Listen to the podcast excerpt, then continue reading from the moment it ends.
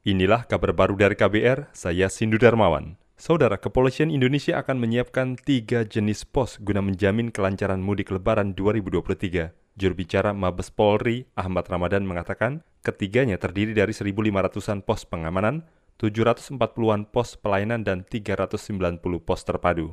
Ketiga pos tersebut ditempatkan pada lokasi strategis serta pada lokasi trouble spot dan black spot. Polri pun menerapkan cara bertindak khusus di jalan tol, jalan arteri, dan wisata serta pelabuhan seperti kontraflow, one way, pengalihan, dan buka tutup arus lalu lintas.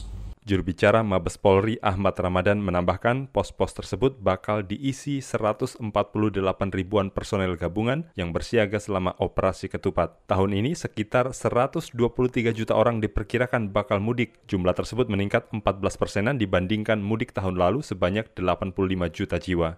Kita ke soal lain. Saudara, nilai tukar petani NTP Maret 2023 sebesar 110,8 atau naik 0,29 persen dibanding NTP Februari. Deputi Bidang Statistik, Distribusi dan Jasa Badan Pusat Statistik BPS Puji Ismartini mengatakan komoditas dominan yang memengaruhi kenaikan NTP antara lain kelapa sawit, jagung, cabai rawit, dan kopi. Peningkatan NTP terjadi karena indeks harga yang diterima petani naik sebesar 0,53 persen atau lebih tinggi dari kenaikan indeks harga bayar petani yang mengalami kenaikan sebesar 0,24 persen.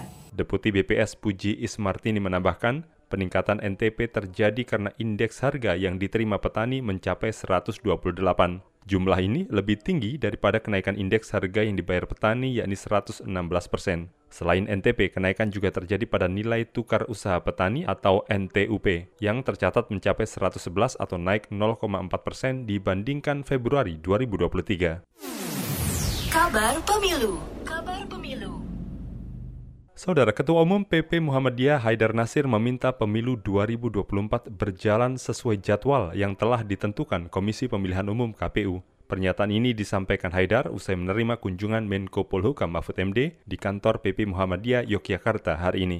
Memastikan pemilu berjalan sesuai dengan jadwal pada 14 Februari 20, 2024 yang ini sudah menjadi komitmen pemerintah juga komitmen seluruh komponen bangsa. Ketua Umum PP Muhammadiyah Haidar Nasir menambahkan, pemilu yang berkeadilan harus diselenggarakan untuk menghasilkan pejabat-pejabat negara yang dapat memajukan hajat hidup bangsa. Karena itu dia berharap seluruh penyelenggara pemilu bisa mempersiapkan segalanya secara maksimal.